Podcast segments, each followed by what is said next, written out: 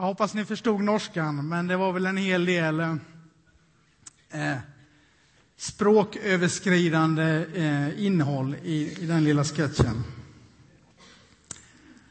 Tycker du att det är svårt att läsa Bibeln? Och om det nu är det, som jag tror en hel del av oss tycker att det är ibland, eh, så varför göra sig besväret? Varför ska jag läsa Bibeln och hur?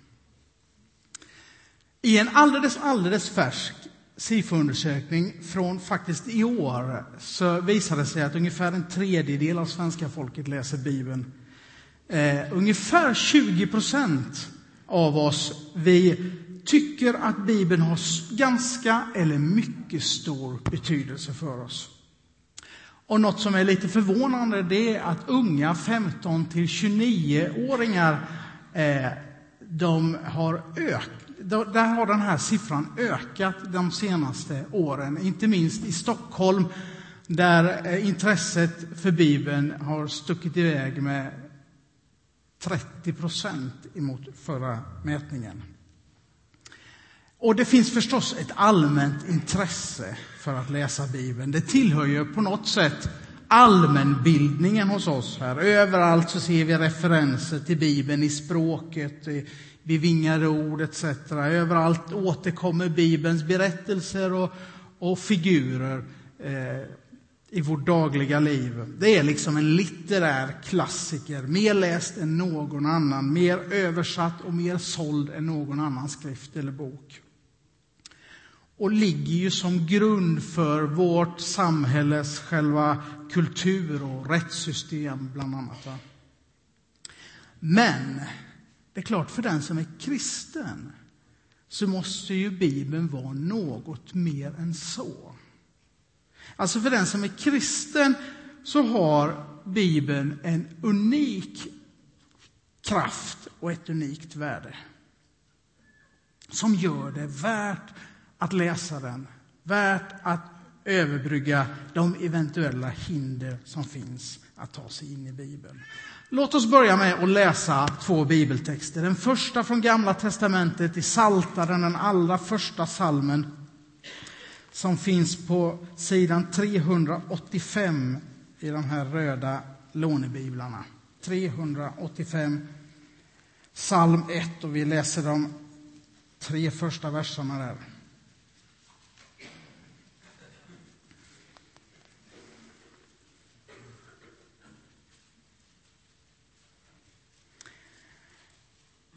Lycklig den som inte följer de gudlösa och inte går syndarens väg eller sitter bland hädare, utan har sin lust i Herrens lag och läser den dag och natt.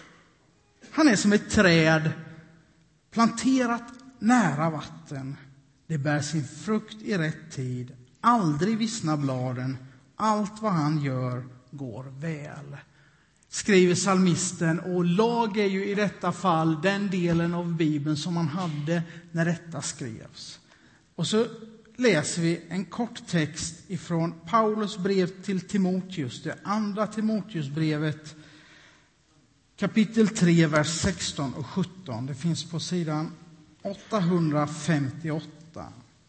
Paulus som skriver några uppmuntrade ord till sin till sin adept och lärjunge Timoteus och ger råd för hur han ska klara av att leva och vara en kristen och stå ut även när han möter svåra tider och motstånd. Och då skriver han så här, Andra Timoteusbrevet kapitel 3, vers 16. Varje bok i skriften är inspirerad av Gud och till nytta när man undervisar, vederlägger, fostrar till ett rättfärdigt liv. Så att den som tillhör Gud blir fri ifrån sina brister och rustad för all slags goda gärningar. Alltså Gud han talar ju till oss på en, en del olika sätt. Han talar till oss genom sin skapelse, genom naturen, genom det som, som vi kan se runt omkring oss och, och när vi försöker undersöka detta, kanske till och med vetenskapligt vända och vrida på hur tillvaron, hur vår värld är skapad, så upptäcker vi en massa om Gud. Och Den helige Anden finns också här ibland oss och talar till oss direkt, rakt in i våra hjärtan, i bön, i profetior, i, i drömmar etc. Men Bibeln kanske är det allra mest lättillgängliga sätt att få fatt på Guds ord och Guds sätt att tala. Kanske är det det tydligaste, oförändliga, om än något utökade genom historien, eh, så finns Bibeln där som en måttstock för det andra vi hör av Gud i anden och i, i historien, eller i, eh, i skapelsen. Helt enkelt tillgängligt för alla. Och på det sättet skulle man kunna jämföra Bibeln vid en, en handbok, en handbok för människan eller en handbok, en manual för livet på något sätt. Nationalencyklopedin skriver så här om att en handbok det är en någorlunda fullständig översikt eller vägledning inom ett ämnesområde, vilket just skulle vara våra liv då. Bibeln är väl då en någorlunda fullständig översikt eller vägledning för vårt liv. Den liksom förbereder oss för livet, ger oss förutsättningar, ramar, tips och även syfte för våra liv. Och på något sätt är, ger oss en grundläggande förståelse för vad det är som pågår här och nu i tillvaron. Man kan givetvis ha en massa olika inställningar och förhållningssätt till den här handboken, om vi får kalla den så. Tänk dig att du har köpt en ny pryl, eller ett datorprogram eller vad det nu är. Och du sitter där och packar upp det här och, och har det framför dig. Så kan man ju tänka sig att antingen så bara sätter du igång och använder det trycker på knapparna, vänder och vrider på det, börjar gissa, tänker att det här ska vi nog reda ut, stöter på ett bekymmer, försöker lösa det efter eget huvud, blir frustrerad, börjar sparka och banka på prylen för att den inte förstår vad du vill. Och till slut så ringer du supporten för att få tips och de kan lösa din fråga. Och du börjar om från ruta ett och så börjar du och så hittar du ett nytt bekymmer och så fortsätter det på det viset. Eller så skulle du ju kunna sätta dig ner och bläddra igenom den där handboken, manualen som liksom ger, hjälper dig att förstå tanken bakom det här du har framför dig, förstå syftet, förstå ramarna och begränsningarna med den här grejen du har köpt. Eh, men också hjälper det att hitta en massa gömd potential och funktioner du aldrig skulle hitta annars. Eh, så att du kan använda det här till sin fulla potential. Och jag tror att lite för många av oss av bekvämlighetsskäl kanske väljer det senare exemplet. Både när vi har en ny pryl på bordet framför oss och kanske också i livet. Så är det med mig i alla fall. Och så får vi tillbringa en massa tid med att hänga i telefonkön på supporten. Eller be Gud, kära gode Gud, är det höger eller vänster här jag ska ta? Är det upp eller ner här? Är det si eller så här inför varje liten fråga i livet? Men vi skulle kunna använda handboken för att förbereda oss. För den är inspirerad av Gud, som Paulus skrev till Timoteus. Förvisso är varenda ord i Bibeln skrivet av en människa till hundra procent. Men också inspirerat, inandat av Gud. Som har liksom övervakat alla de tankar och allt det skrivande som författarna la ner i de olika texterna. Men också utväljandet och bevarandet av texterna eh, när de olika redaktörerna har satt ihop det som idag är vår bibel. Och till och med så övervakar Gud när vi läser, så vi kan förstå den här boken på rätt sätt. Och genom historien har man haft en, en upphöjd eh, bild av vad Bibeln är. Vi skulle kunna börja Jesus Kristus själv som, som ju använder Bibeln och tar den på fullaste allvar när vi läser om honom i evangelierna. Han citerar och lägger ut titt som tätt. Och på honom apostlarna och den tidiga kyrkan som fortsätter i samma tradition. Och, och nästa generation kyrkofäderna och de första teologerna de skriver att skriften den är fullkomlig eller senare reformatörerna på, på medeltiden, Martin Luther, som säger att skriften den är till och med ofelbar. Så går vi lite längre fram i historien på 1700-1800-talet och så hittar vi den här läsarrörelsen som är grunden för det som är vår moderna frikyrka. Och där formligen slet man ju ut sina biblar när man läste dem i hemmen. Och så ser vi genom historien att överallt där det liksom finns ett bubblande andligt liv och förnyelse så har man läst Bibeln framlänges och baklänges. Ett tydligt mönster ser vi där. Men det finns ju svårigheter. Det finns svårigheter som jag tror många av oss kanske har stött på.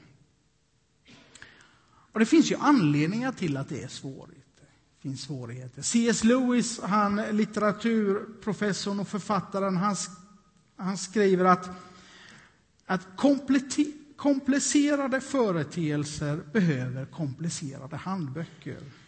Och bara för att någonting är svårt betyder inte att det är osant, utan snarare ska man väl vara allt för misstänksam mot allt för enkla lösningar till, till det som är så komplicerat som livet. En annan eh, svårighet med Bibeln är ju att det är en massa olika människor som har skrivit den. Allt ifrån kungar och högt utbildade människor till filosofer och poeter och enkla fiskare, historiker och präster. Alla med sitt perspektiv på tillvaron, på Gud och med sitt språk och sätt att uttrycka sig. Och för det tredje så är ju Bibeln skriven i en massa olika genrer. Jag hoppas ni har märkt det. Den är inte, nästan ingenting av Bibeln är skriven som en modern bok är skriven. Det förstår vi ganska snabbt. Eh, men det där är en styrka. De flesta människorna i, i historien och runt om i vår värld skulle inte förstå Guds intention med Bibeln om den var skriven som en modern västerländsk handbok det är genom historia, som ju är en stor genre i Bibeln, och genom berättelsen som de flesta människorna runt om i världen och i historien har lärt sig om livet. Eh, det är så vi förstår livet, vi förstår sensmoralen, vi får exemplen och det är bra för vårt minne. Hur många av oss har inte stått där och funderat på hur var min bankomatkod nu igen? Vad var lösenordet till Facebook? Var det allt, delete? Och vilken knapp var det med nu när man skulle starta om det här programmet? Och vilka kort... Alltså, fyra siffror i en kod glömmer vi bort. Men 1200 sidor Sagan om ringen-trilogi kan vi enkelt återberätta om vi har läst den och drabbats av den. Tappade ni ljudet? Nej. Någonting är det som knäpper. Alltså för vårt kom ihåg och för vårt sätt att lära för livet så är berättelsen och historien mycket, mycket bättre än de korta kommandona. Det finns, men det finns ju också andra genrer som poesi, profetiska böcker, brev, för att inte tala om breven som Paulus skriver som ju är på något slags Jeopardy där vi har svaret på en fråga som vi inte har och då får vi försöka hitta på frågan för att förstå svaret. Och för det fjärde så är ju också Bibeln skriven i andra tider, i andra kulturer, i andra historiska situationer och på andra språk. Och det här komplicerar ju förstås vår läsning och vår förståelse av Bibeln. Men jag skulle vilja citera eh, professorn Dallas Willard, som är doktor i filosofi och vetenskapshistoria. Han skriver att han är övertygad om att när Gud ger människan ett budskap så säkerställer han sig om att det här budskapet det går att förstå för vanliga människor. Inte bara för teologer och avancerade forskare på ämnet. Och det är praktiskt användbart, inte bara akademiska teorier. Och så föreslår Willard att en noggrann, en intelligent, intensiv men rakt fram läsning av Bibeln gör att vi kan förstå Guds intention. Jag skulle vilja faktiskt lägga till att man behöver också en nypa nyfikenhet att förstå vad Gud vill. En nyfikenhet som gör att jag är kanske mer intresserad av vad Gud ska säga till mig i Bibeln än att försöka bygga upp ett försvar för kanske mina egna missuppfattningar om tillvaron.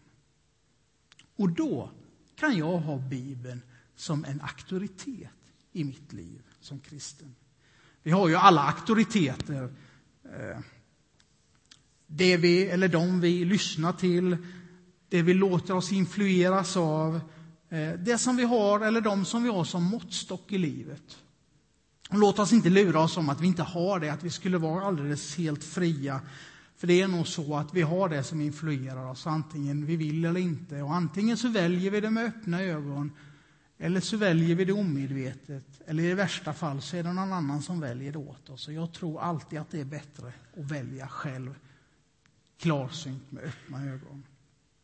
Och som kristen får man välja Bibeln som en auktoritet för sitt liv. Så som Jesus gjorde, så som Paulus uppmanade Timoteus att göra. Och då får Bibeln liksom leda mig i vad jag tror, vad jag håller för sant om Gud, vem Jesus är, vad Jesus har gjort för mig och så vidare. Men också om livet. Vad är vägen i livet? Bibeln är ju liksom fylld med regler, ramar för livet. Eller om vi ska krångla till det, kausala sammanhang mellan handling och konsekvenser. Guds vilja och väg för människan. Och ibland är ju det här självklart och alldeles logiskt, men ibland ganska svårt att förstå. Då kan man säga, vem behöver mer regler? Vem behöver mer regler? Jag lyssnade häromdagen på en väldigt underhållande föreläsning av en kille, en journalist som heter A.J. Jacobs som talade över en bok han hade skrivit som heter Biblical Living, eller möjligtvis Living Biblical.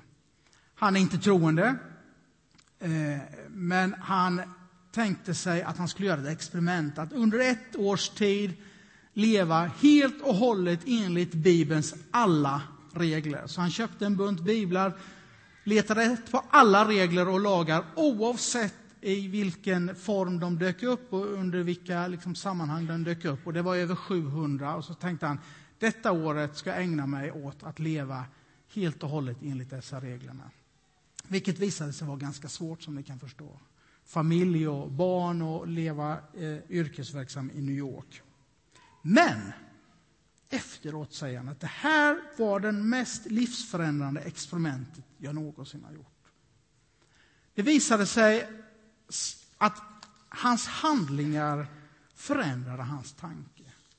Han säger, när jag betedde mig som en bättre människa så blev jag en bättre människa. Idag, så här 2000 år senare, efter det är skrivet i Bibeln, så kallar vi det kognitiv psykologi eller beteendeterapi. Eh, och så i hans lilla experiment där han utan redskap för att egentligen förstå alla dessa regler och sammanhang de är skrivna i, så var det ändå så att det fördjupade hans liv. Han fick en vördnad och en förståelse för det heliga, säger han. Och det hjälpte honom att leva ett bättre liv. Och detta trots att han inte ens tror på Gud. Nåväl, Bibeln har en massa ramar och de ramarna som Bibeln beskriver, de, de är ju liksom inte påhittade av människorna här. Det är ju mer så att de beskriver ramar, regler, logiska förlopp på det som redan finns. Liksom nedlagt i skapelsen. Och jag kan ju välja att följa dem, att ta det goda rådet eller inte. Precis som jag, när jag slår upp min handbok för, för bilen jag äger, kan välja att följa rådet att fylla på olja. Jag kan tänka mig att för miljöns skull och för att jag är en fri och ansvarstagande människa kör min bil efter utan olja i motorn. Det är mig fritt att välja. Men jag tror att ramar faktiskt är nödvändiga. De där vita strecken på vägen när jag är ute och kör, de är ju inte begränsande först och främst, utan vägledande för att jag inte ska dimpa ner i diket och hamna någonstans där jag gör mig illa, utan liksom för att hjälpa mig på vägen. Och jag tror att det är alltid bättre att veta om ramarna och reglerna för livet. Jag tror vi blir mer kreativa och fria på det viset. Jag tänker mig en konstnär som står där och, och ska göra en bild. Och hur hon först liksom väljer den där canvasen, vilken storlek och vilket material den ska vara, vilken färgpalett hon ska använda, vilken teknik det ska bli. Eller kompositören som sätter sig med sitt instrument och tänker att den här tonarten ska jag nog hålla mig inom. Den här stilen och så här långt ska det nog vara. Och det blir liksom tjusigast så om man sätter ramarna för livet först. Men, men, men. Bibeln är ju inte alls bara en handbok. Alltså, det finns ett nu och ett då i Bibeln. Och om vi kallar den där handboken för ett då, det som är skrivet och står där och inte förändras. Det där som ger mig en kristen världsbild som förankrar, fördjupar och stabiliserar den. Det som svarar på frågorna vad innebär det att vara en människa? Hur är tillvaron beskaffad? Hur ser ett gott liv ut? Vem är Gud och vad vill han mig? Va? Det finns något mer, det finns ett nu. Och jag skulle vilja kalla det för kärleksbrevet ifrån Gud. Ett kärleksbrev som liksom händer, som dyker upp när jag sätter mig med en bön i hjärtat och nyfiket läser min bibel. Vad vill Gud säga till mig nu? Det sker i stunden. När Guds ord läses eller hörs så händer det någonting. Det skapar tro. Ja, faktiskt en tro som, som är frälsande, som är räddande, som ger evigt liv. Det tänder en gnista och det ger mig hopp. Det skapar också liv. Det öppnar för den helige Ande att fördjupa relationen mellan mig och Jesus Kristus i detta nu, inte bara i det som har hänt. Det ökar min kärlek, det ger mig ett driv och en längtan i livet. Och det skapar en förvissning om att Guds löften, så som jag kan hitta dem, de är sanna och det ger mig vägledning och tröst. För några år sedan kom det en man som var i min ålder men ganska ny i tron springande mot mig på kyrktorget i kyrkan i Jönköping. Och han var alldeles själaglad och så håller han sin bibel och säger det står om mig i bibeln. Och jag är både glad och förvånad över detta. Och han slår upp en bok i mitten och säger titta här, här står det om mig.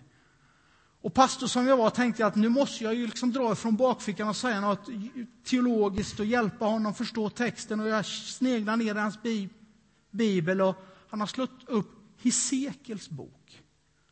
Och jag läser några verser och blir alldeles svettig. Jag förstår ingenting av som står där. Och ännu mindre av vad, vad, kan det handla om? Hur kan det handla om den här killen? Och så kommer jag på mig själv och tänker att alltså det är inte jag som ska säga någonting. Gud har redan talat till den här killen.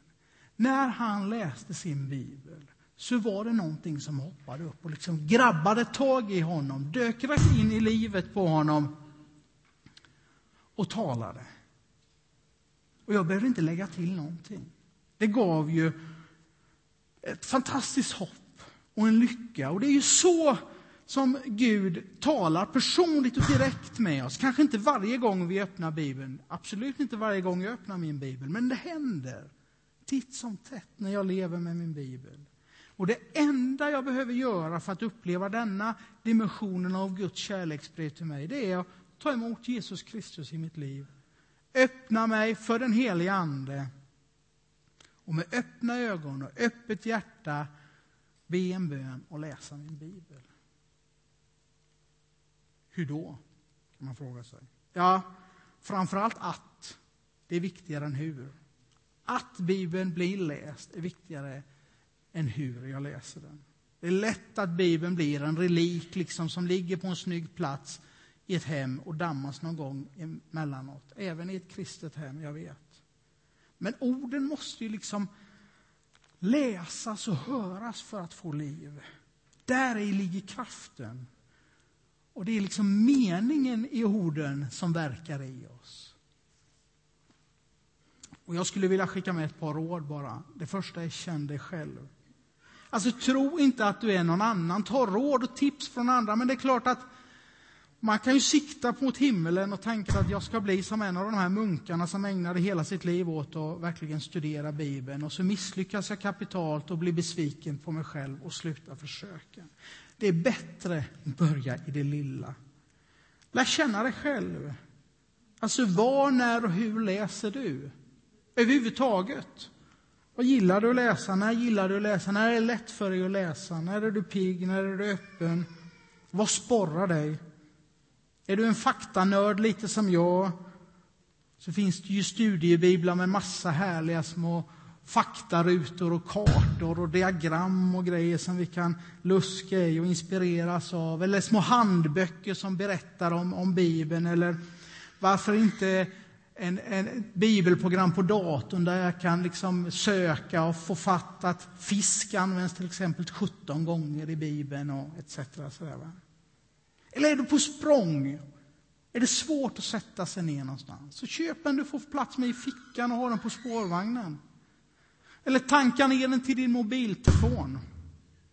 Eller varför inte en talbibel på mp3-spelaren eller CD-spelaren?